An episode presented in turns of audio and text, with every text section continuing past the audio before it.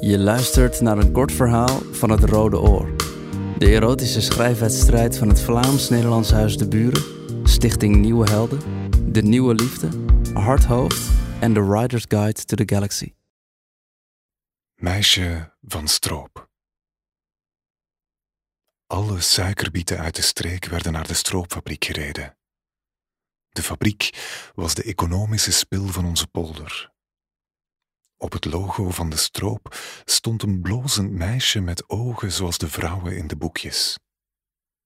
Dat jaar stond er op het oranje kartonnen potje een vraag. Wie wordt mijn suikerprins? Die marketing van de suikerfabriek namen wij nogal letterlijk op. Op een zondag in de herfst fietsten we naar de fabriek. We waren een jaar of vijftien. We gingen naar het paradijs. Om de fabriek stond een hoog hekwerk. Aan de voorkant een stevige poort. Er waren in die tijd geen camera's, wel hekken en schrikdraad. Het paradijs moest beschermd worden, zoals de stevige stof van de rokken hier de vrouwen beschermde. En op zondag was er niemand. Op zondag rustte je uit.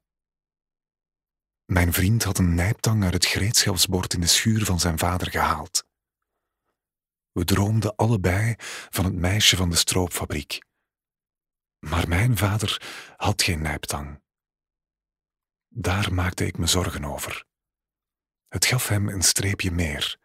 Met de nijptang slopen we om het hek. Ik herinner me de groene bordjes nog. Heras. Groen kippengaas, draad met plastic erom. Stevig, maar voor een nijptang geen probleem. Bij een sloot op een laag punt knipten we een gat in het hek. Toen het terrein op. Er was niemand, maar we waren wel bang dat er honden zouden zijn. Dat hoorde je wel eens, dat ze met honden dit soort plekken bewaakten. We slopen naar de gevel. Op onze eerste verkenningstocht hadden we nooduitgang gezien, net om de hoek. De deur was vrij breed en had aan de binnenkant een duwstang, zoals voorgeschreven. Nooduitgangen kun je van binnenuit in één beweging openduwen. Dus je zou ze in principe ook van buitenaf in één beweging open moeten kunnen trekken. Alleen even de klik zien te vinden. Dat lukte met een plastic plaatje dat mijn vriend uitgeknipt had.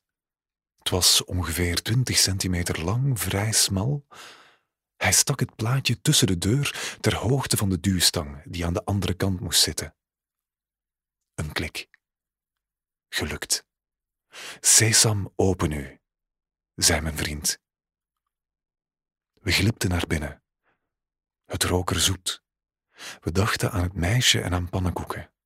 Dat was ons lievelingseten. Met stroop uit deze fabriek. Dikke, zoete suikerstroop van ons oranje meisje. In de hal zagen we het logo. Ze was heel groot. Ze droeg haar jurk en daarboven kant.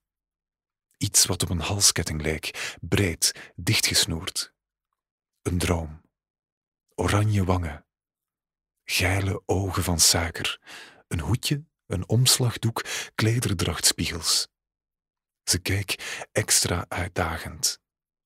Het rook heel zoet. Kom verder, fluisterde ze. We volgden een brede betegelde gang die ons naar het midden van de fabriek leidde. Een dubbele deur en daarachter was het Walhalla. We openden de deuren. De geur werd sterker, zoeter, warmer. Dit was het epicentrum van ons favoriete suikerbietenmeisje. Haar ketel. Zeker tien meter hoog, alles aan haar kleefde. De deurkruk, de buizen, de wanden, haar enkels, haar benen. Kom verder, jullie allebei. De echte meisjes zeiden nooit iets. Die keken je nooit zo aan, die zaten nu in de kerkbanken, wij doolden rond in haar paleis. Aan de achterkant van haar ketel was een trap. Hij cirkelde om de ketel heen, helemaal naar boven. Ook de leuning was stroperig. Maar warmer nu, vlugger, met dunne plakdraden als schenkstroop. We gingen naar boven. We draaiden anderhalve slag rond haar ketel, steeds hoger. En toen we helemaal boven waren, was daar een klein luikje. Boven een ander kort trapje. Mijn vriend zei: Daar is een duikplank. Hij kon dat niet weten, hij was hier nooit eerder geweest en toch geloofde ik hem. In zulke ketels moest er helemaal bovenaan wel een duikplank zijn. Zoals bij Dagobert in zijn geldpakhuis. Het meisje had dat ook. Kom maar, zei ze, proef maar van me. Het luikje zat met een schuif dicht. De schuif klemde door de suiker. Mijn vriend duwde hard, maar pas toen ik zachtjes streek, gaf de schuif het op. We maakten het luik open en daar was inderdaad een duikplank zoals in het zwembad verderop in het dorp. Daaronder stroop. Zei ik toch, zei mijn vriend. Steen, papier, schaar, om wie het eerst mocht. Dat hadden we afgesproken. Hij won. Hij trok zijn schoenen uit, zijn jas, shirt, broek, sokken, onderbroek. Toen hij zijn broek op de trap legde, maakte de nijptang een hard geluid. Ik zag hem het trapje vastpakken. Daar ga ik, zei hij. Hij klom de drie treden op. Hij rilde. Hij keek om. Toen zei hij weer: Daar ga ik. En hij stapte op de duikplank, deed een paar passen, veerde iets naar beneden, zette zich af en dook de zoete stroop in. Mijn naam is Rashid Elkawi. Dit verhaal is geschreven door Krijn Minderhout, een van de deelnemers van het Rode Oor 2023. Je luisterde net naar een kort verhaal van het Rode Oor.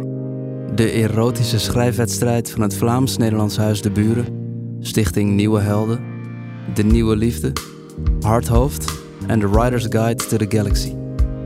Op deburen.eu slash het rode oor vind je meer informatie over het project, over de wedstrijd en kan je alle erotische verhalen van het Rode Oor lezen en beluisteren.